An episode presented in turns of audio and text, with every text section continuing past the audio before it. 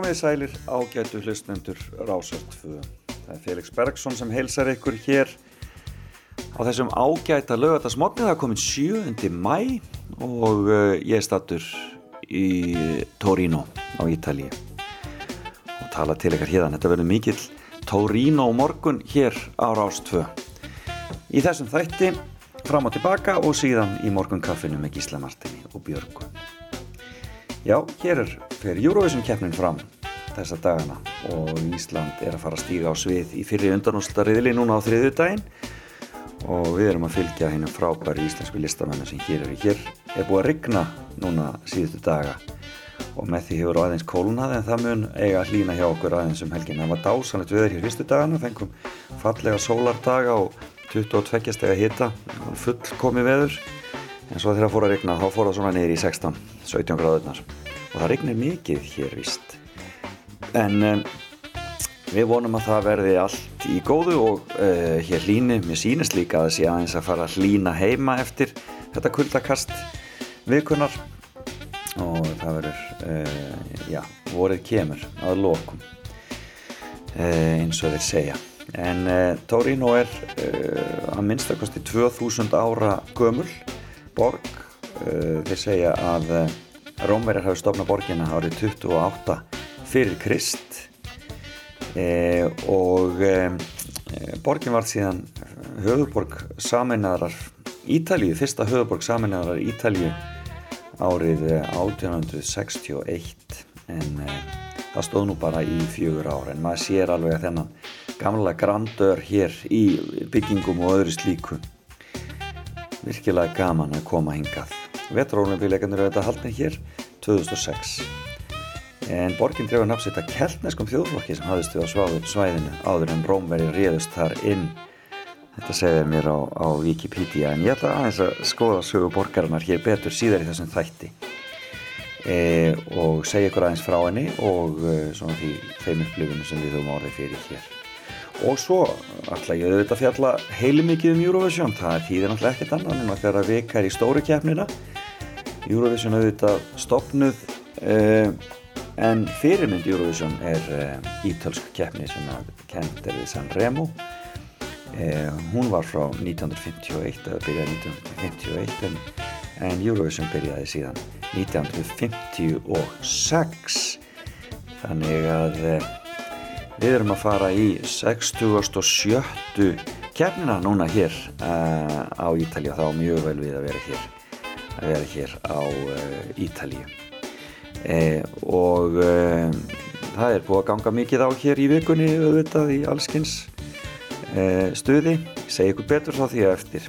En við skulum bara byrja því að bara renna okkur að staði í þetta og heyra lagdagsins og eigum ekki bara að fá Egil Kristjánsson til að segja okkur frá því eh, hvernig Nína varð til en hún kefti hér, draumanu Nínu kefti fyrir Íslands hönd hér á Ítalíu síðast 1991 og eh, þetta er eh, viðtal sem að þeir Þórður Helgi og, og Guðmundur Pálsson áttu við Eva Lægið sami 1990 mm. í november 1990 og sendt inn í, í þessa keppni. Þetta er í fyrsta sinn sem að ég sem sérstaklega lag fyrir Eurovision. Ég hef búin að taka þátt í keppinni alveg frá því 1986. Ég átti nú lag í fyrstu keppinni, Ég lifi draumi. Þegar Ítalirunnu þá hérna, var náttúrulega ljósta að keppin yrði uh, sem sagt á Ítali uh, ári. Og ég sagði, nú, nú ætlum ég til Rómar sko, einhvern veginn. Nú ætlum ég að fá ógimisferð til Rómar. sem var aldrei ekki ókipis en hérna, uh, hérna þannig að ég ákveða að semja lag og ég ákveða strax að ég ætla að láta lagið heita Nín ég sem sagt lagið og svo kemur textin eftir á og ég læt sem sagt lagið heita Nína upp á ennsku en, en svona til að halda í, í íslenska hefðir íslenskar hefðir þá þá læti ég sem sagt að því að textin fjallar sem sagt um mann sem er að dreyma látna unustu sína þá læti ég lagið á íslensku að heita Draumur um Nínu ég samti lægið með Stefán í huga og það er strax í svona tóntegund sem enginn getur sungin um all og, hérna, og það er líka svolítið skemmtilega að sagja frá því að þegar ég er búin að semja lægið þá ringi ég Steppa og spyr hvort það sé ekki til að syngja með hann, ekki mál við vorum orðið góði vinnur á þessum tíma. Og ég spyr hann, ertu ekki til að semja texta líka? Þá er hann alveg á kafi Sálinna Sjónsmi sem er mm. þá nýjórðin alveg bara einhverju vinsalasta hljómsitt á Íslandi. Og hafði engan tíma til að semja textan og segi bara um Eyvi, eh, sendu bara þessa sjálfur. Og ég gerði það. Og hefnaðist ákveðlega já, já, ég heldur betur, heldur betur. Já, og þú var allan peningin ég var allan peningin Alkjör, ég var skellil hægnd út í bánka, hversi sem lægi ég spila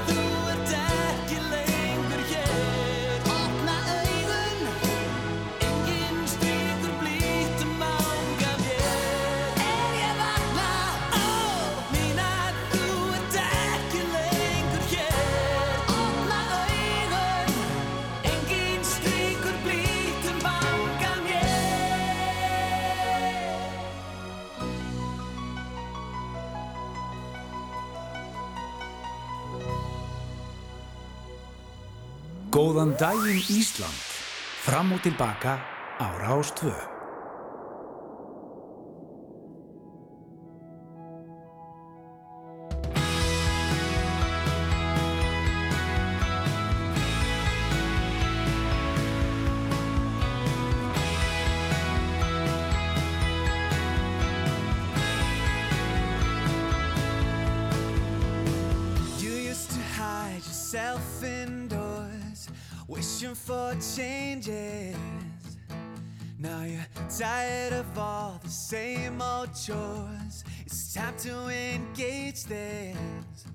Turn it up.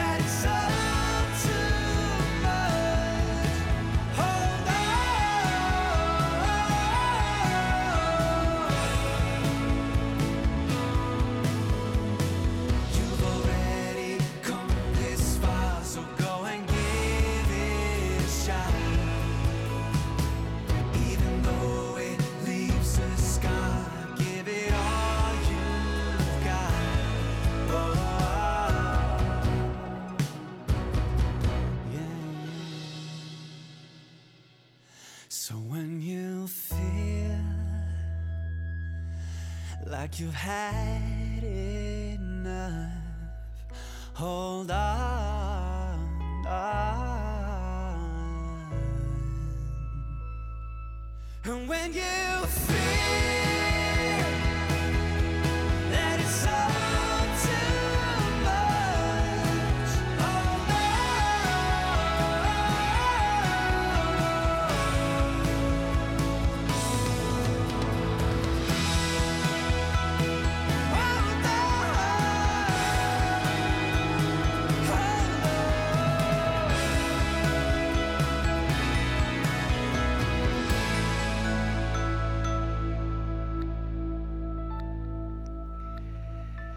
Já, þetta var hann Birgir Steit Stefánsson sem tók þetta við af föðu sínum í Stefáni Hilmarsinni e, og e, þetta er nýja lagið hans heitir Hold On. Birgir Steit þetta tók þátt í söngvakeppninni í sjónvarpinu núna e, í ár með frábært lag sem heitir Ljósið og pappan samt í textan hans er Birgir Steit annar lagahöfunda þar en þetta lag Hold On kom líka til greina sem lag inn í söngvakeppnina en uh, það var ofan á að hann bara skæfi það út sjálfur og það gengur svona ljómandi vel frábært lag. Þar á undan þá heyrðum við Nínu eða Draum um Nínu og gaman að heyra hvernig Egilur Kristjánsson samti þetta lag sérstaklega með Ítalíu og Eurovision í huga og uh, og það gekk nú alltilis vel og þetta er náttúrulega bara orðið klassík og allir Íslendingar geta sungið með þegar Nína er sungin. Þannig bara þannig.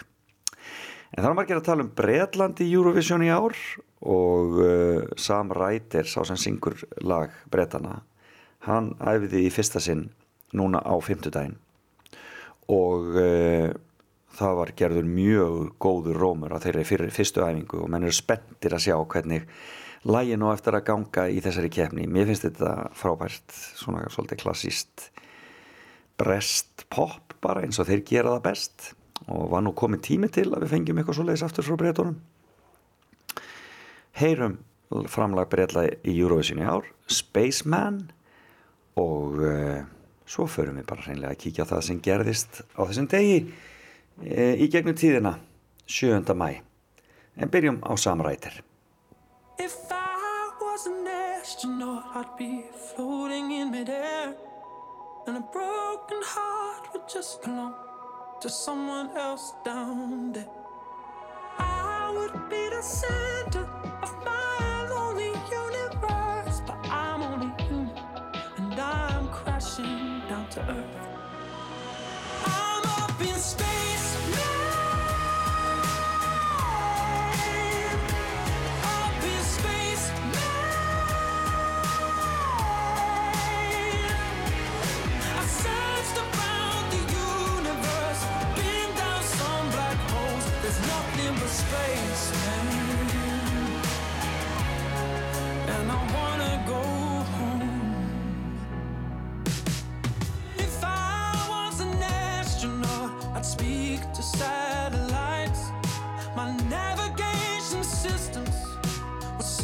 for other life.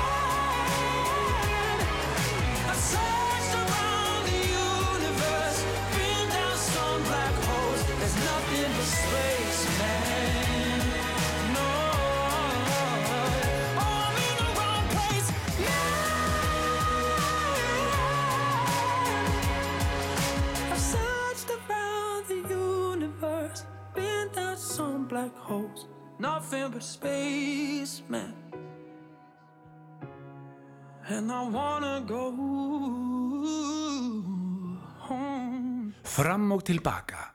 Ljúfur laugadagsmorgun á Rás 2.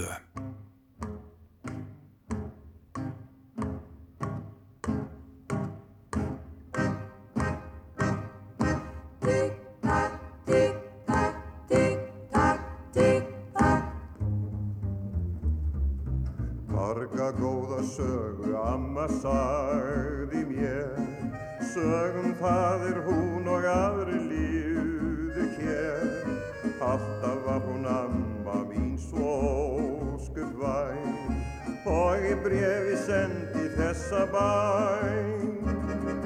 Vonir þínar rætist kæri vinur minn. Vertu alltaf sanni góði drengurinn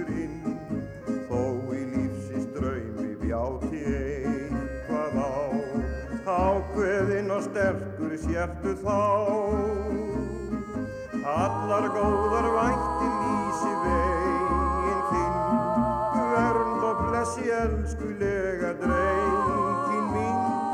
Gefið lán og indi hvert og gengið spór Gæfi sömum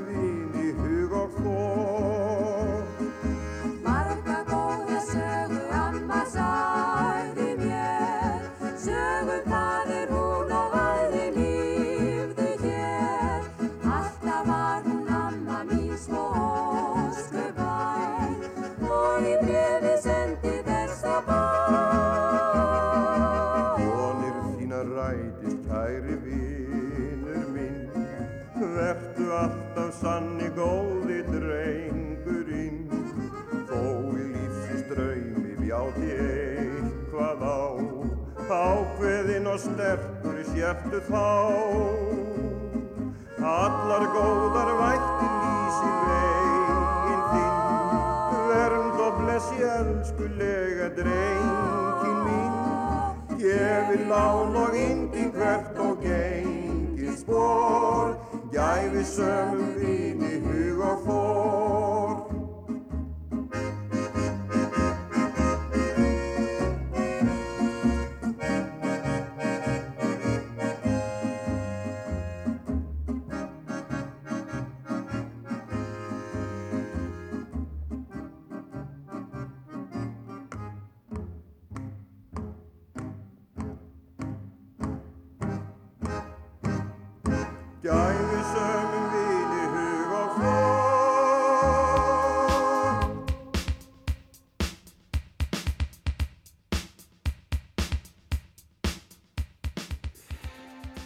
þetta var Alfred Klausen sem söng hérna Ömmubæn e, og e, það spilaði til með því að Alfred Klausen er eitt af ammælisbörnum dagsins í dag e, og í, í dag er, er 7. mæ eins og áður sagði og við ætlum að kíkja það sem gerðist á þessum degi e, Já, í fortíðinni þá e,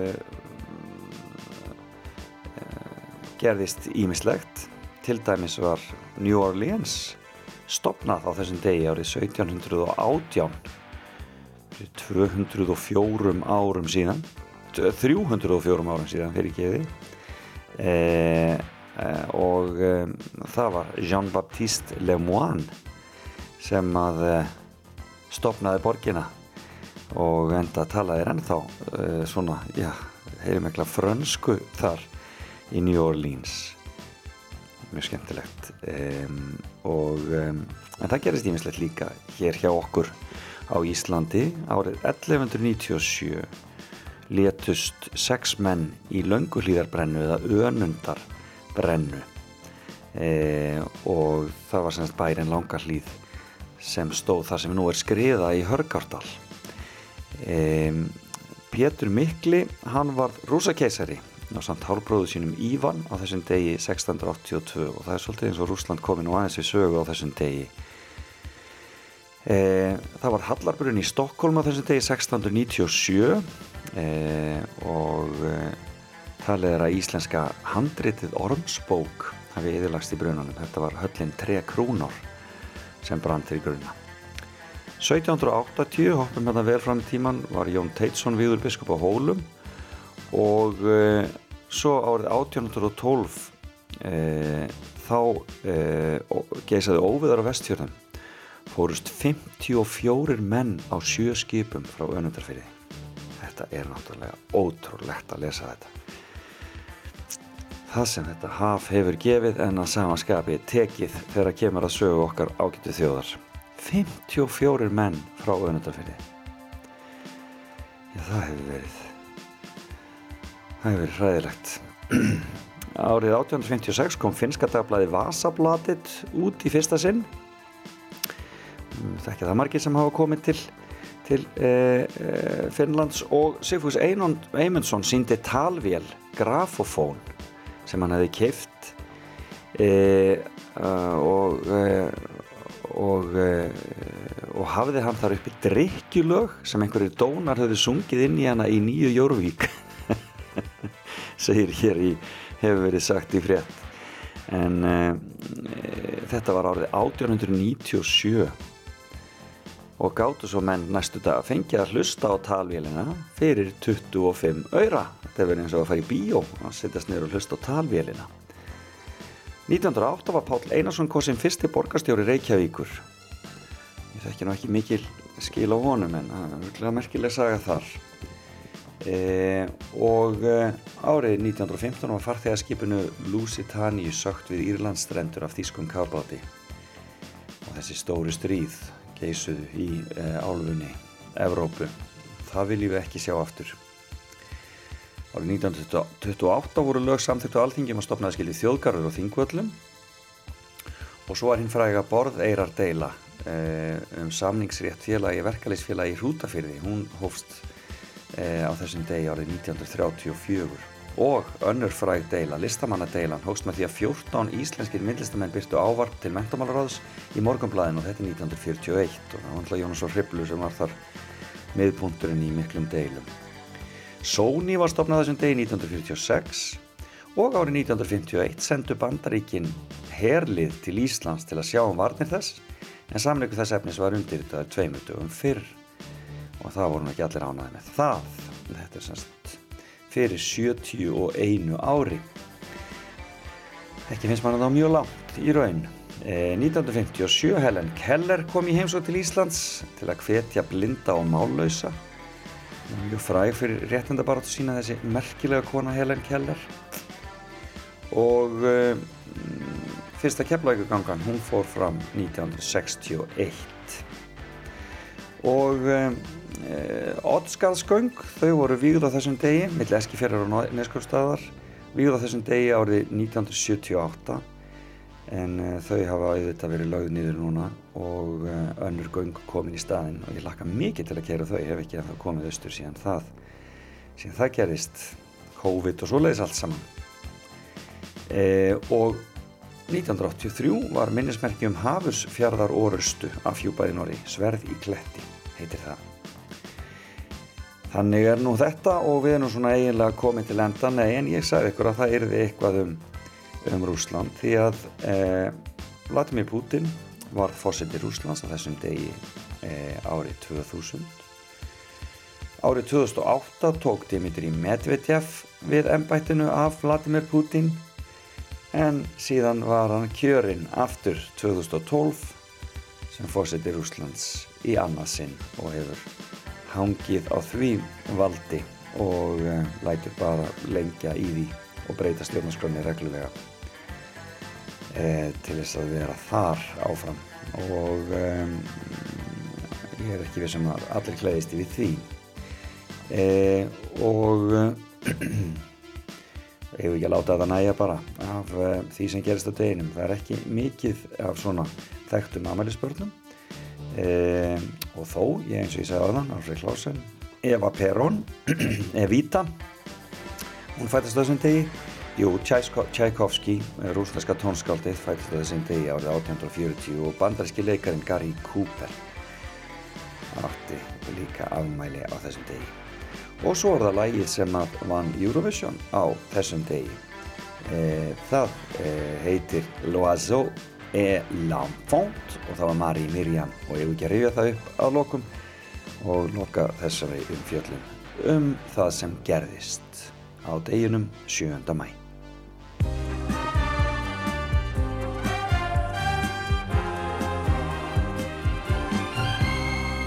Comme un enfant aux yeux de lumière qui voit passer au loin les oiseaux.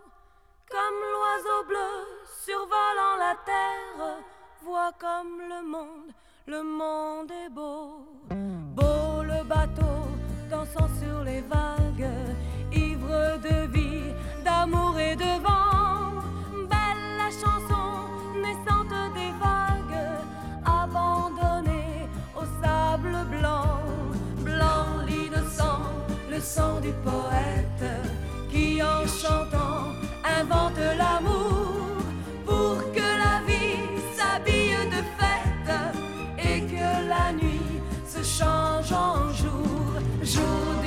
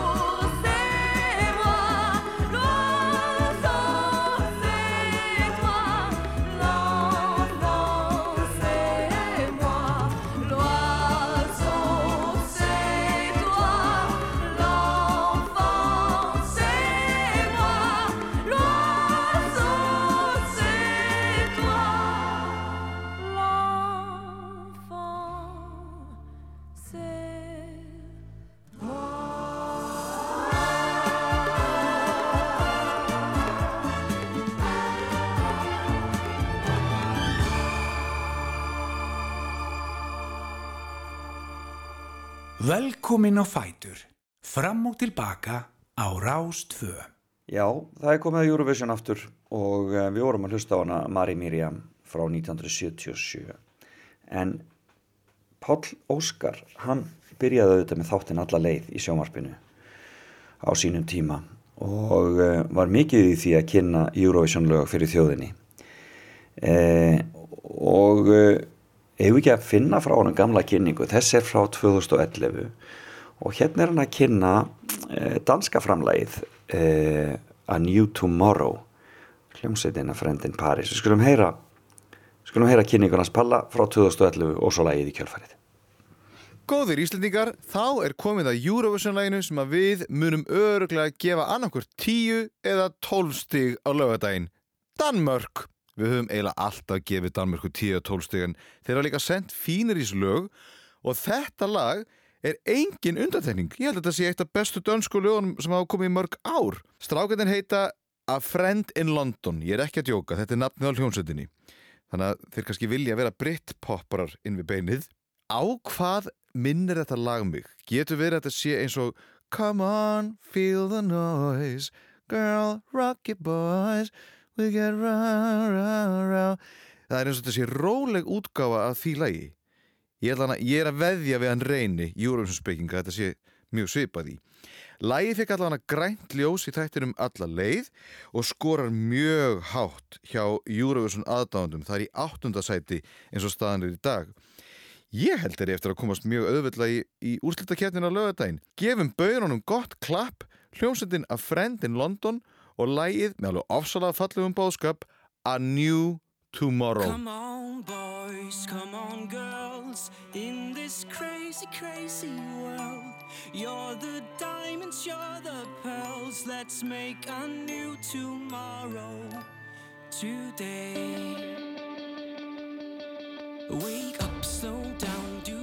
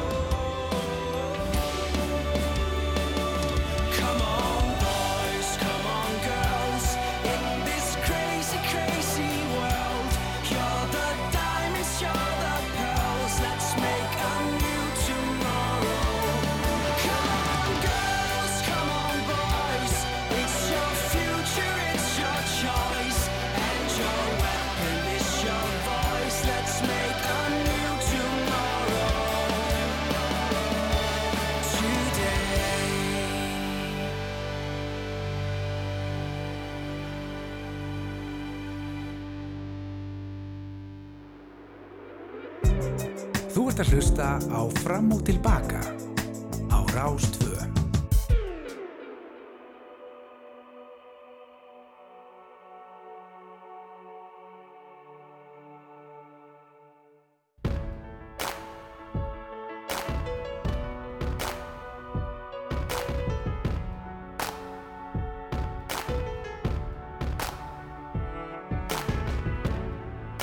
Remember those walls I built Maybe they're tumbling down. And they didn't even put up a fight, they didn't even make a sound. I found a way to let you in, but I never really had a doubt. Standing in the light of your halo, I got my angel now. It's like I've been awakened. Every rule I had you breaking, it's the risk that I'm taking search you out.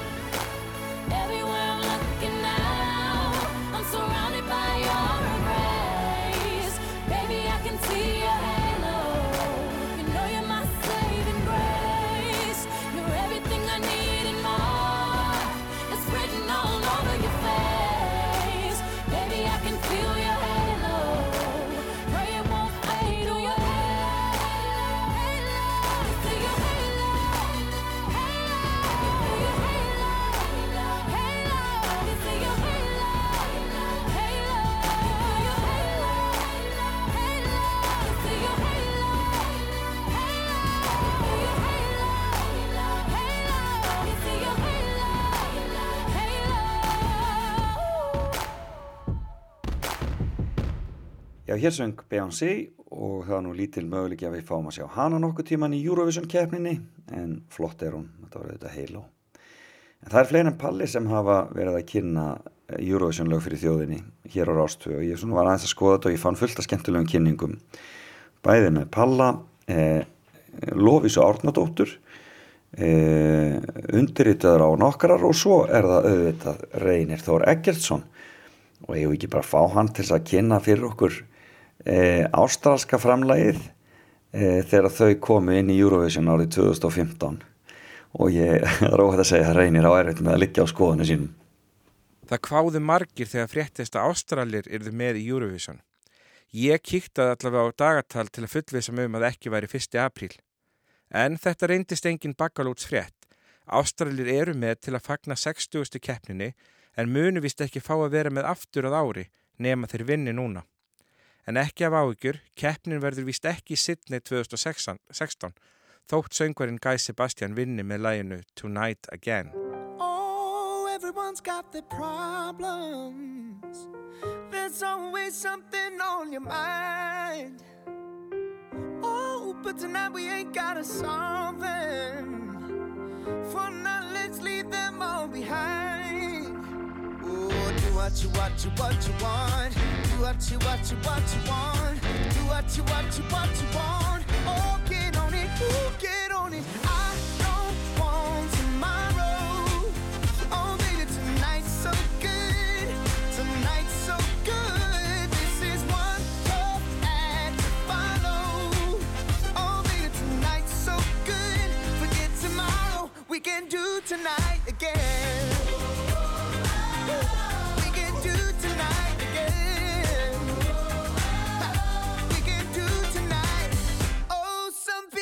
call you crazy. They say we only live for fun. Ooh, they may be right, but only maybe. I can guarantee what we got is want. Do what you, what you, what you want. Do what you, what you, what you want. Do what you, what you, what you.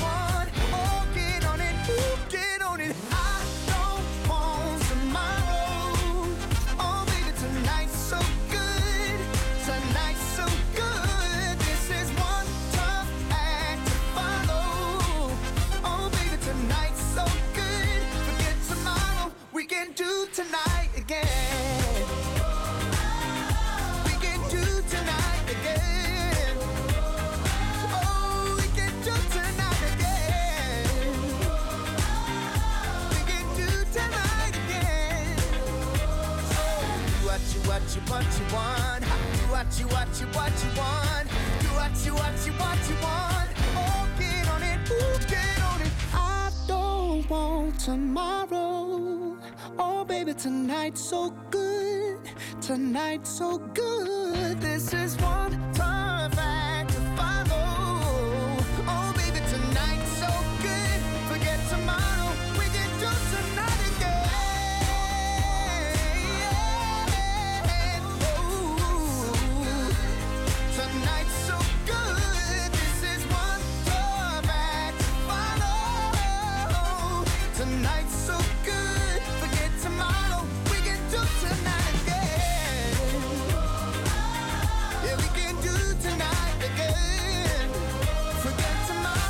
We can do tonight again.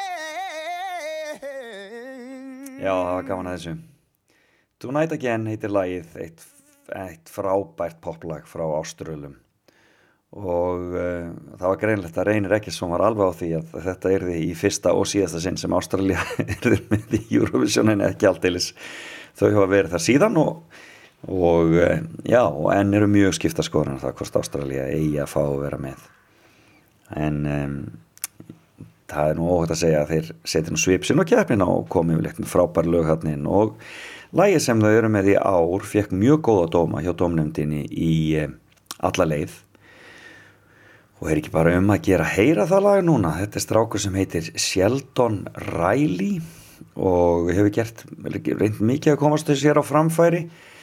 Eh, þetta er ástrálskur uh, strákur af uh, filipinskum upprunað einhverju leiti eh, en eh, hann svona hefur átt í erfileikum með að fá uh, svona hérna viðurkenningu frá fjölskyldu sinni flutt mikið og átt erfitt uppdráttar en hefur haft, haft söngin sem svona sinn sitt eh, eh, til þess að ná ánakri í heiminum og uh, er frábær söngvari og uh, hann kom sá og sigraði í undan keppnin í Ástralíu með lag sem heitir Not the Same og við skulum bara heyra það núna. Þetta er Ástralía, við heyrðum Ástralíu 2015 áðan en þetta er Ástralía í Eurovision 2022. I was told at six years old They'd avoid me if my heart was cold Found it hard to talk and speak my mind They never liked the things that I would like Cause you're told to play but you're not the same. As the other kids playing the same game. Try to jump on in but they push away so far away. I'm not the same,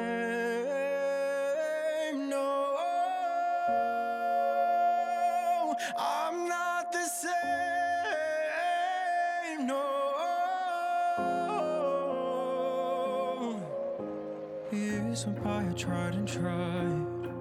My father asked me if today I smiled. I said yes, I did, but that's a lie.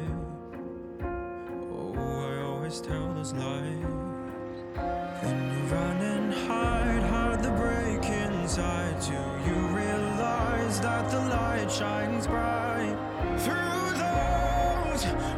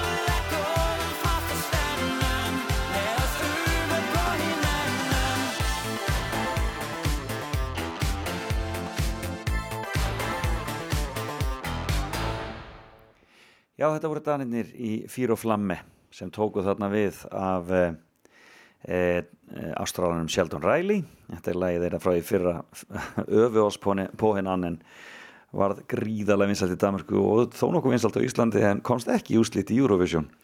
Gaman að þessu. En það er komið að nýju fréttunum hér á Rás 2. Ég ætla síðan að halda áfram Felix Bergson með ykkur frá Torino og eh, næst, já, næsta klukktímanum ætla ég aðeins að fjalla um sögu borgarinnar við ykkur, segja ykkur aðeins frá Torino og upplifun okkar hér og halda áfram að spyrja gömul og ný Eurovision lög og jafnvel finna einhverja rattir úr fortíðinni sem segja okkur frá öllu saman. Endum þetta með Off Monsters and Men fyrir nýju fréttir og svo höldum við áfram í að fara fram og tilbaka. I've been crawling around in mud, chasing rivers and rubbing salt in Salt in the wound. Now I'm letting go letting go. I feel the air light up when I'm alone. When I'm under a dome. It's the only way I know. It's cake to not feel great when you're in a storm. This happiness is hell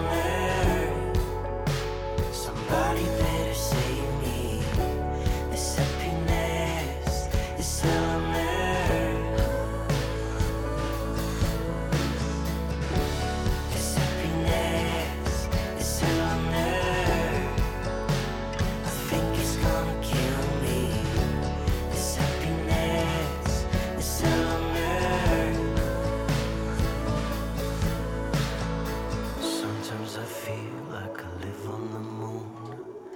No need to sleep when the sun is staring me down.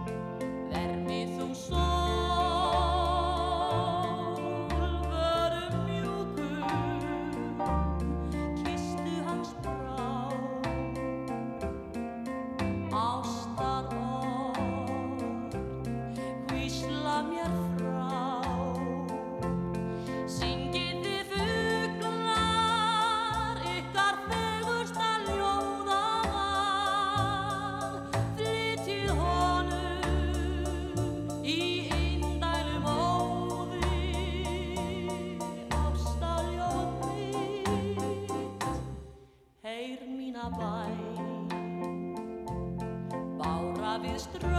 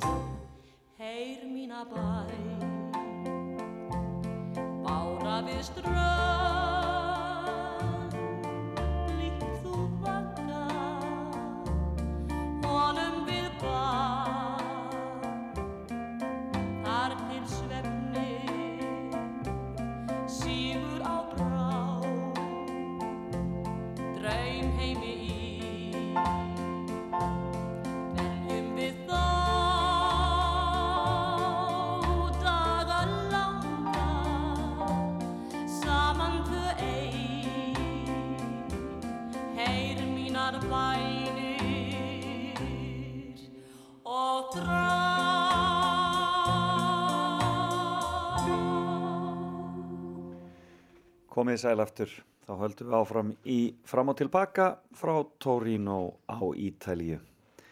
Og ég heiti Felix Bergsson og það er hvað var betra en að byrja þáttin á einu góðu, já, ítölsku, sigurlægi úr Eurovision frá 1964, Nonoleta eða Heyr mína bæn sem að, eh, já, er nú aldeilis búið að ganga uh, í gegnum miklar vinsældir á Íslandi.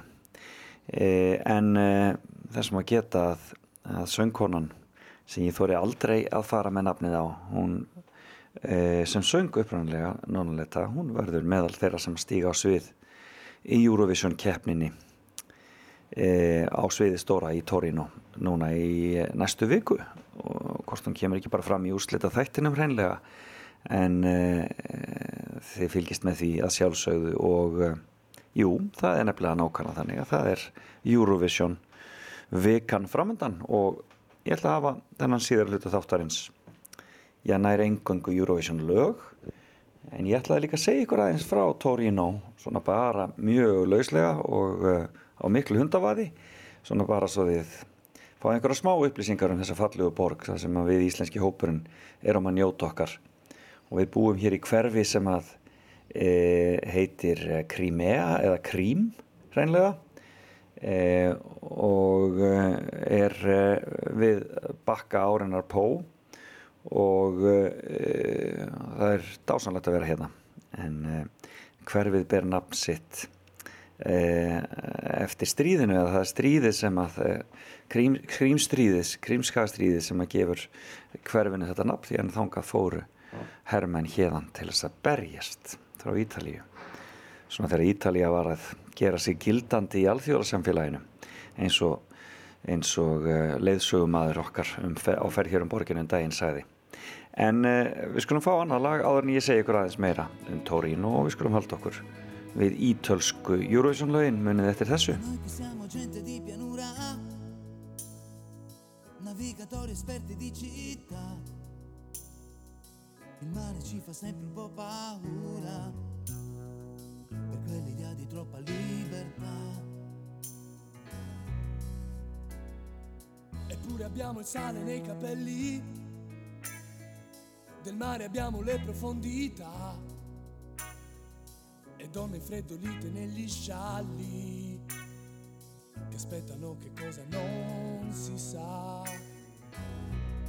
Gente di mare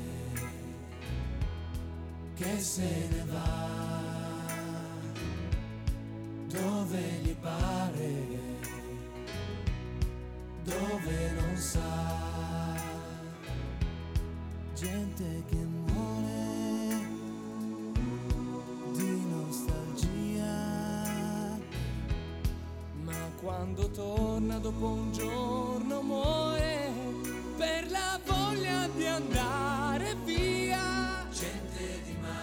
quando ci fermiamo sulla riva, gente che va. Sguarda l'orizzonte se ne va.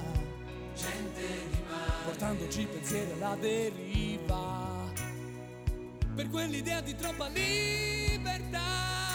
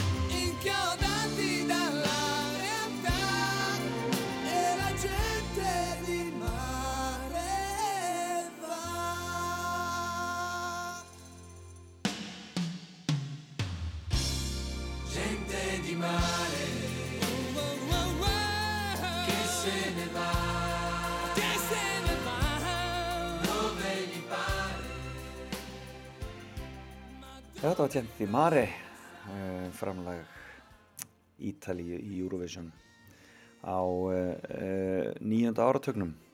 En eins og að þess að þá erum við hér í Torino eða Túrin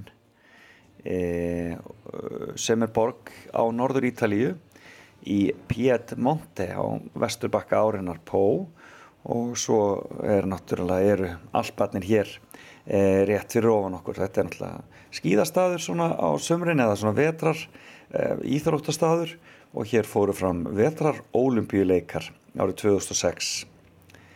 E, íbúar e, borgarinnar eru um 870.000 eða um 900.000 en hildarfjöldi á öllu svæðinu eru 2,2 miljónu þannig að þetta er heilmikil borg og heilmikil svæði hér. Það voru Rómverjar sem stofnaði borgina árið 28 fyrir Krist og eftir fall Rómaveldis rutust langbarðar til valda í borginni og síðan frankar. E, borgin, borgin var síðan hlut af hertóðadæminu Savoy og höfuborg þessi ríkis 1563 og svo síðar konungsríkisinn Sardiníu þegar það rann saman við hertóðadæmið árið 1720 og það var svo 1861 sem Torino varð höfuborg sameinaðarar Ítalíu. En það stóð nú bara í fjögur ár þegar Flórens var gerðað höfuborg en borgin er mikil yðnaðar og, og versmiðuborg. Og hér eru bílaframleðandin til dæmis Fiat. Já, það var, það var bara hennilega stopnaður hér í þessari borg árið 1899, það fyrirtæki. Eins og ég sagði ykkur í morgun þá drefur borgin nafn sitt af keltneskum þjóðflokki sem hafðist við á svæðinu áður en Rómverjar réðust eh, þangað inn. Og knaspunnilið borgarinnar eru tvö, það eru viðvitað Torino fútbólklubb eða FC og, eh, og svo Juventus, það er nú frægara liðið. E, sumir hafa talað um Torino sem vöggu frelsisins Ítal, á Ítalíu. Þar hafi sagt Ítalíu orðið frjáls og, og saminast e, en það er alveg ótrúlega mikið sem hægt er að gera hér. Mikið um söfn og kirkjur og hallir óperur og uh, stórir uh, gardar og torg leikhús söfn og svo framvegis og svo framvegis. Og um, það er til dæmis hérna eitt stærsta egifska safni heimi þessi þessi næst stærst með egifskum munum er eftir nú að skila þeim það er nú hann að saga. Og svo er þetta fræga kvikmyndasafn þeirra. Þeir eru svona, uh, já vilja vera miðpunktun í kvikmyndagerð Ítala. Um, uh, hér eru tveir háskólar eða minnst að tveir háskólar sem að svona menn e, þekkja vel til. E, Túrin Háskóli eða Tórin og Háskóli og svo e, Tórin og Polyteknik þannig að það er ímislegt sem hægt er að gera hér okkur hefur verið tekið með kostumækinnum hér í borginni höfum virkilega notið þess að fara hér á veitingastæði það eru mjög góðir veitingastæðir í borginni og þeir eru ennþá að passa samir í sambandi við COVID og algjörlega þess virði að koma hingað. Við höfum samt fengið aðeins að finna fyrir henni frægu tórin og rigningu. Hér mun rigna daldið mikið en það borgin í svona dalverfi og það á til að festast svoleiðis veður hér yfir henni.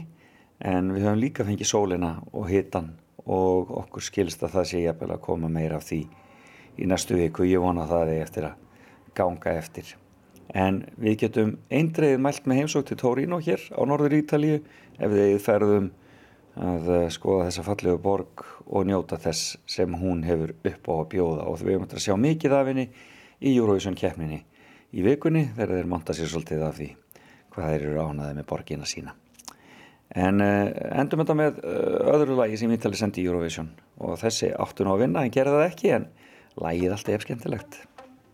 Essere o dover essere, il dubbio amletico, Contemporaneo come l'uomo del neolitico, l'intelligenza è demode, risposte facili, dilemmi inutili.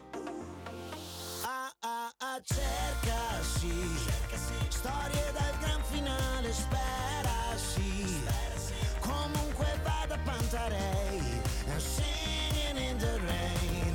Lezioni di Nirvana, c'è butta in Buddha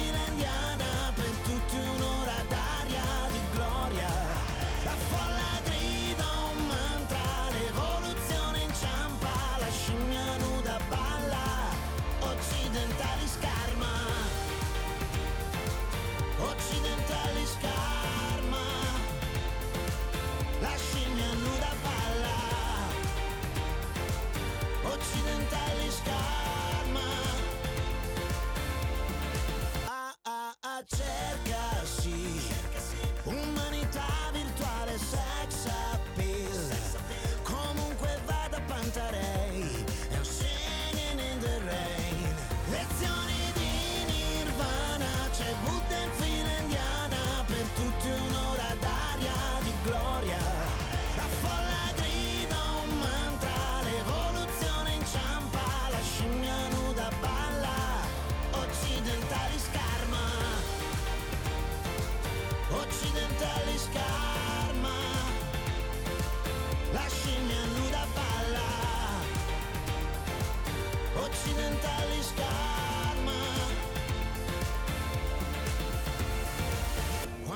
la vita si distrae, cadono gli uomini occidentali scarma.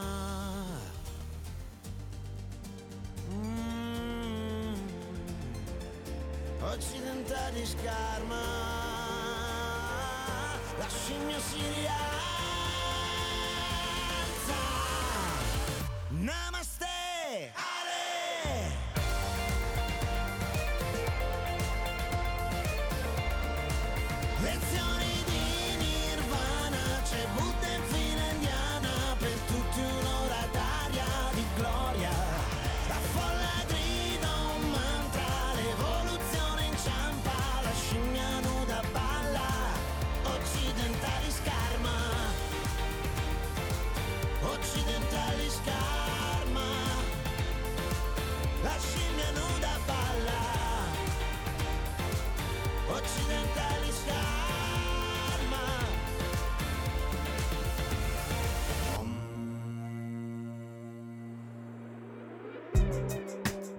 Hlusta á fram og tilbaka.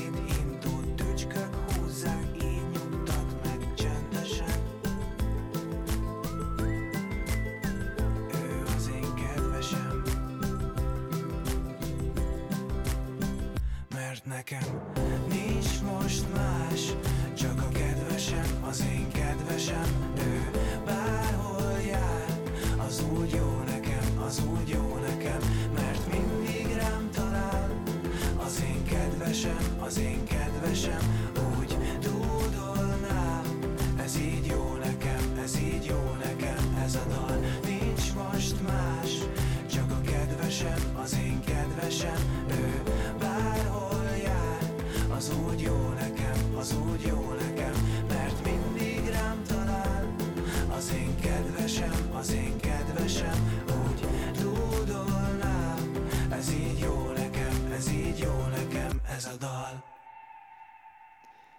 þessi ungi maður sem syngur þetta lag kemur frá Ungverjalandi, það heitir Bæ Alex og þetta var Kedveshem, lag sem ég hef oft spilað þér sérstaklega um þetta leiti árs, þetta mínum uppáhalds Eurovision lögum.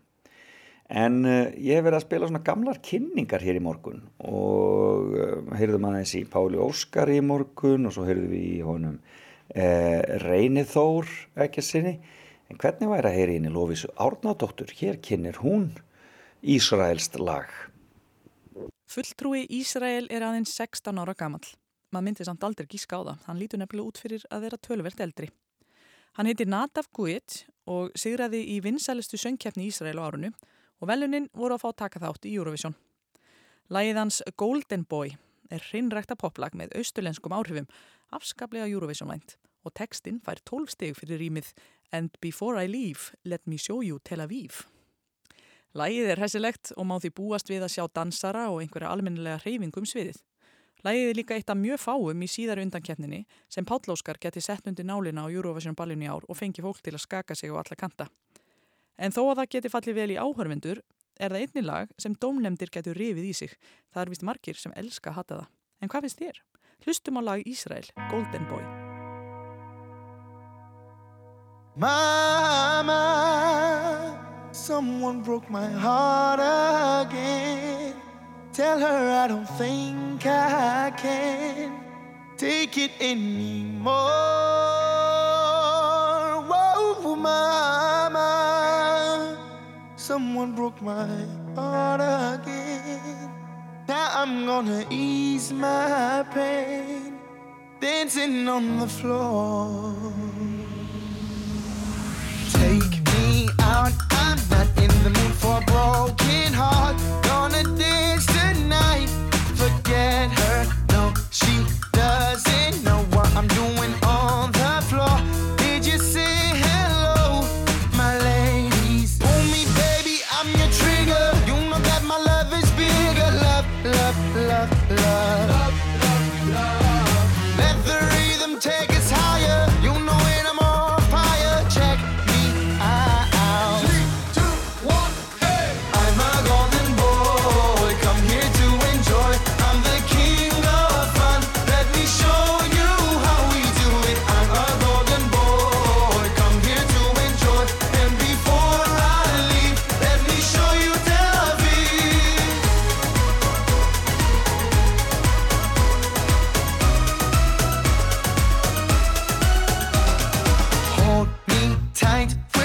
Going home tonight. Oh,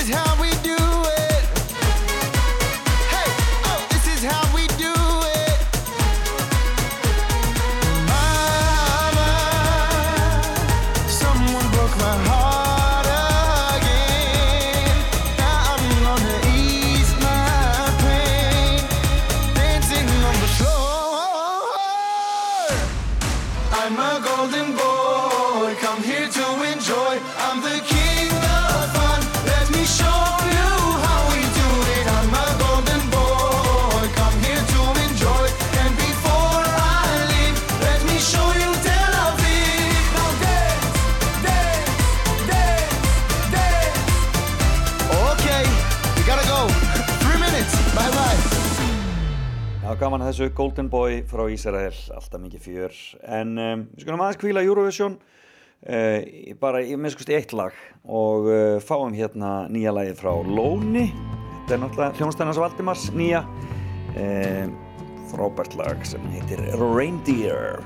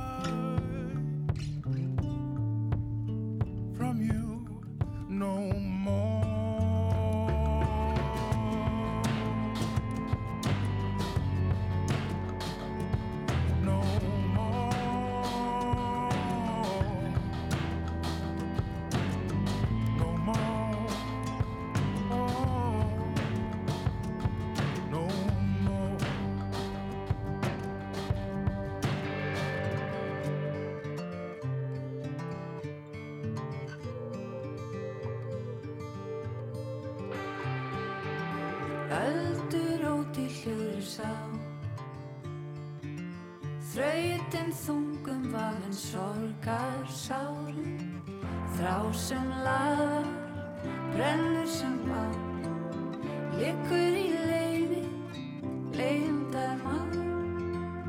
Þeir, þeir, ljósar skiptum þær að sjá,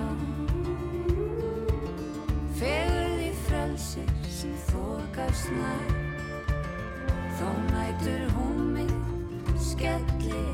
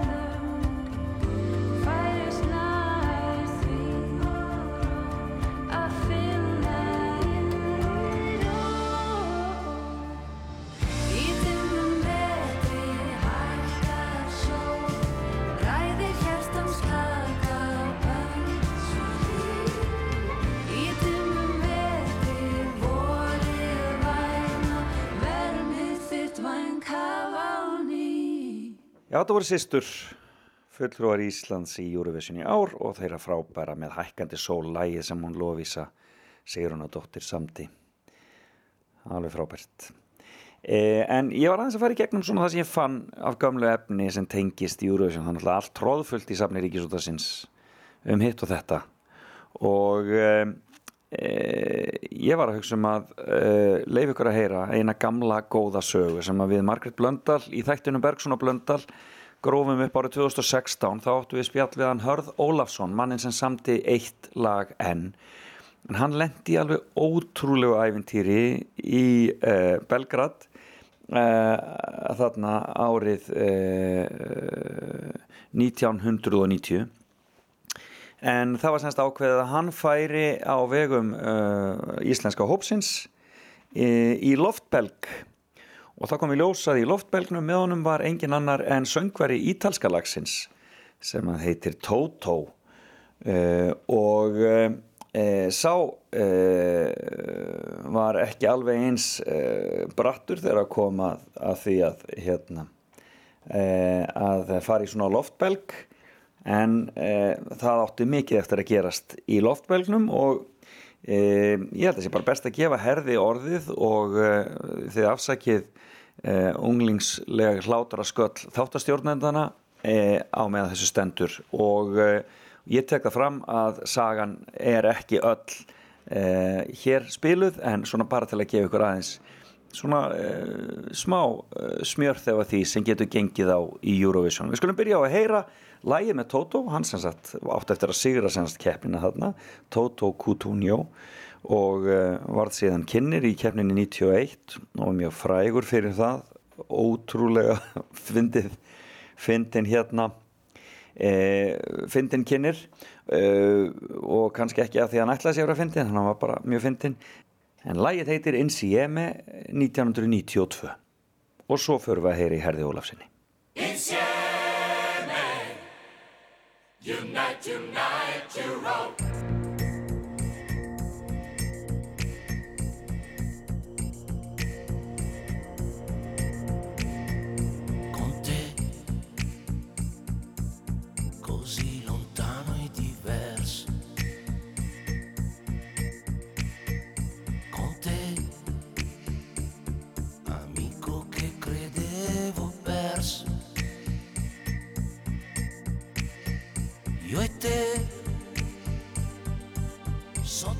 lo stesso sogno.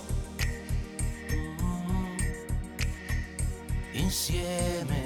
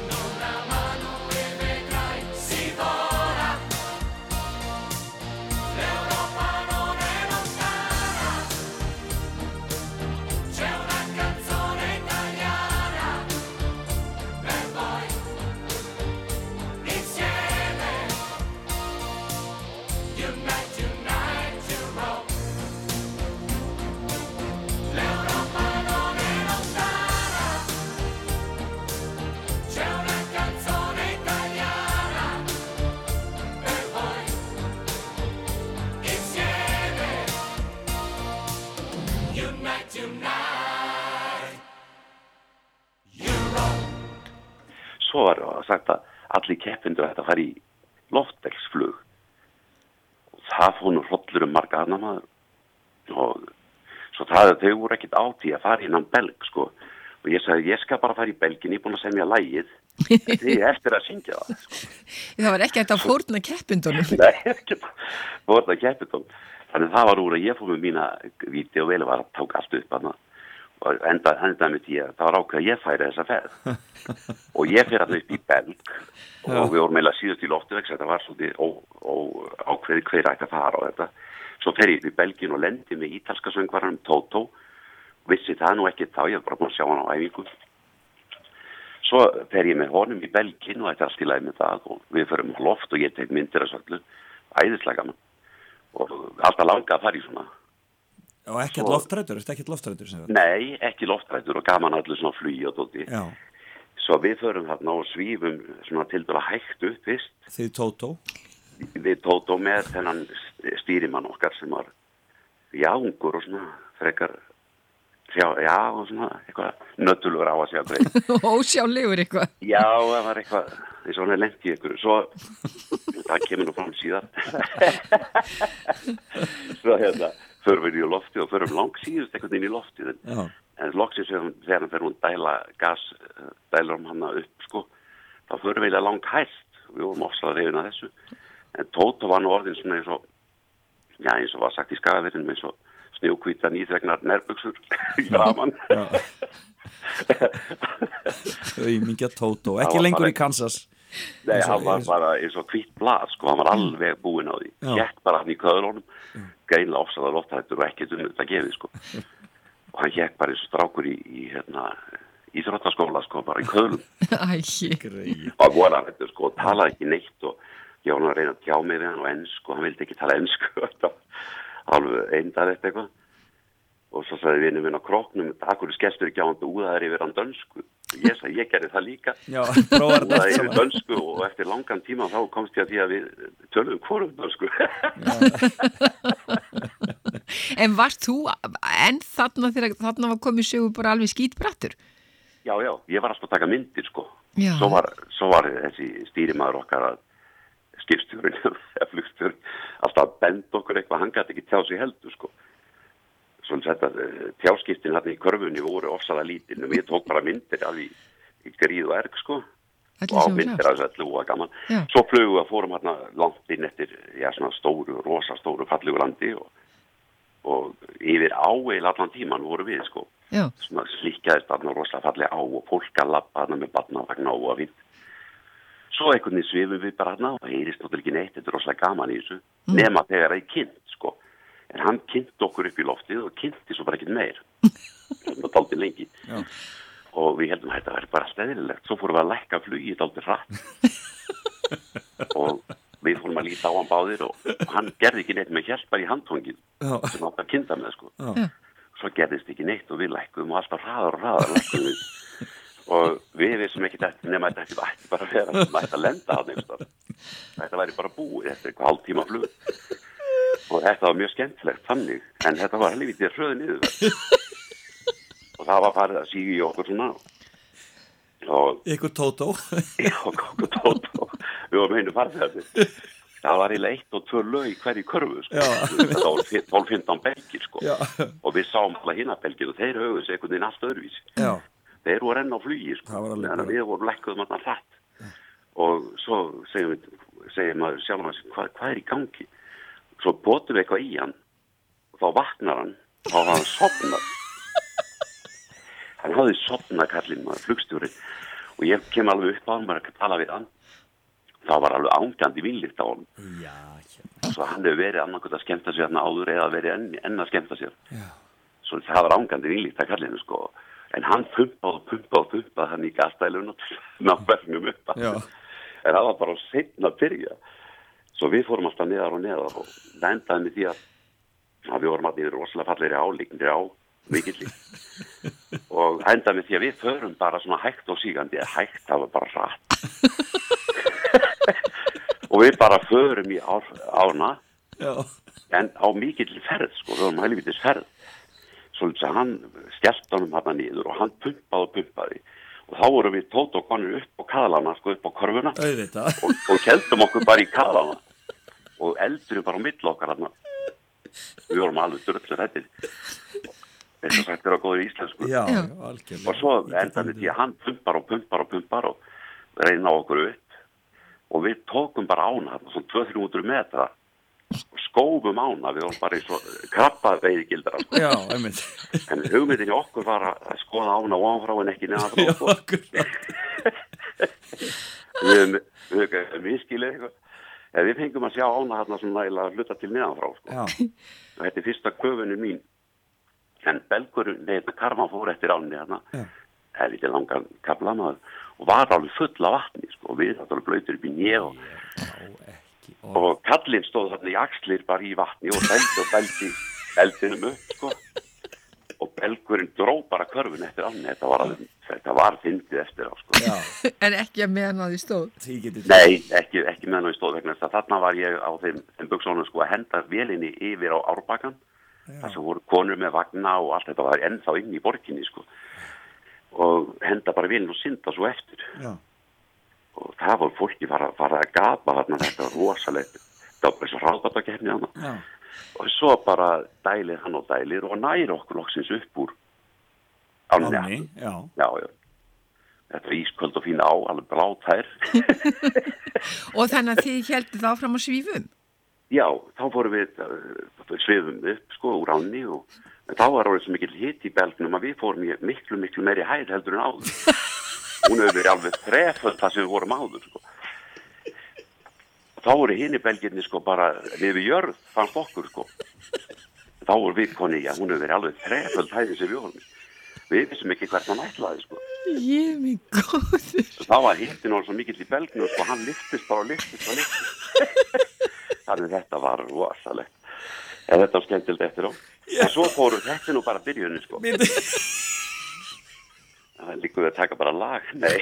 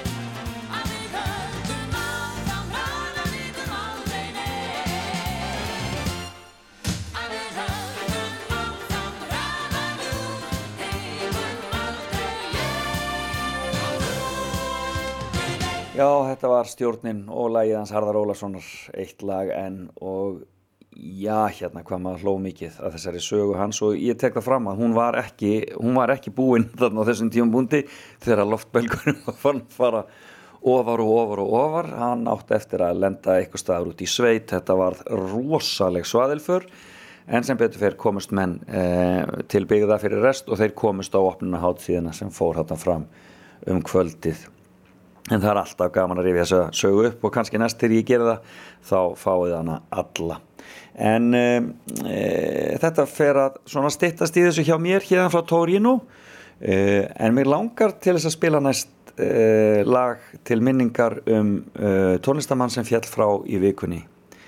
E, hann ásker söngvari í barafloknum er fallin frá allt og, allt og ungur 59 ára að aldri og e, e, við skulum heyra lag sem að margir hafa verið að tala um þessa dagana og minnast þessa góða drengs sem að er mikill harmdauði. Hér er bara flokkurinn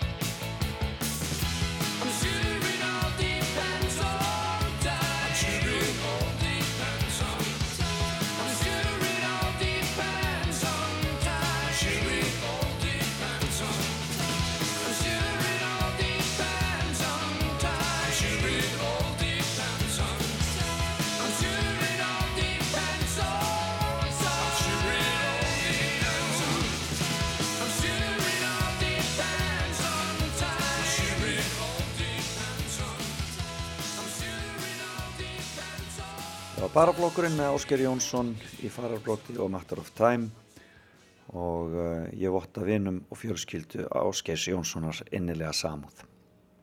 En þetta er búið hjá mér í dag og það fyrir að líða því að uh, Gísli Marsteinn og Björg taki hér við með sitt uh, kaffispjall hérðan frá Torino. Og þau ætla að vera beint til ykkar heima á Íslandi. Og það verður gaman að heyri þeim hér á eftir og hvernig þau nálgast þetta uh, hérðan frá borginni góðu. Þau erum fyllt af viðtölum við listamenn og aðra sem að Eurovision keppninni koma í ár. Og svo rekur dagskrár ásar töð sig eins og alla aðra daga, allir það, alla, alla laugardaga þar að segja, allir það ekki eftir háttegið e, og, e, e, og það er auðvitað allir már sem að e, er þar með þáttinn sinn. Við fáum síðan tónlistan og e, svo í e, kvöld er það lagalistinn hjá hann Mattiasi Má. Takk fyrir að fylgja mér í dag.